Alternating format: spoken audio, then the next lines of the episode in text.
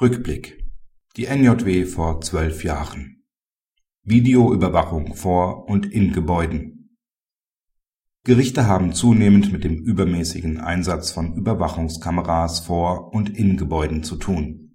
Zuletzt waren es Videoüberwachungen in einer Bibliothek (OVG Münster MMR 2009, Seite 724), im Mietshaus (Kammergericht NZM 2009, Seite 736 oder auch im Gastronomiebetrieb. (Amtsgericht Hamburg, MMR 2009, Seite 72), denen die verfassungsrechtlichen Schranken aufgezeigt wurden. Aktuell hat das VG Wiesbaden den Einsatz von Videokameras im Eingangsbereich eines Gerichtsgebäudes gerügt.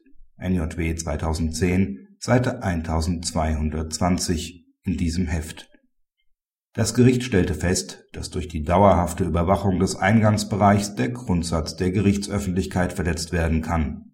Eine Videoüberwachung erweise sich grundsätzlich als Zugangshürde für die Öffentlichkeit. Dieser Eingriff könne nur in Bezug auf einzelne Prozesse gerechtfertigt werden, nicht aber dauerhaft für sämtliche Verfahren. Die Rechtmäßigkeit langfristiger Observierungen von Beschuldigten mittels Videokamera richtet sich nach den Voraussetzungen des § 163 FStPO.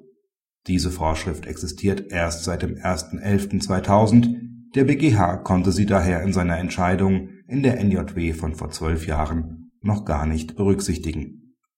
Die Karlsruher Richter sahen aber bereits in § 100c Absatz 1 Nr. 1a StPO eine Rechtsgrundlage für die mehrwöchige Wohnhausobservation NJW 1998, Seite 1237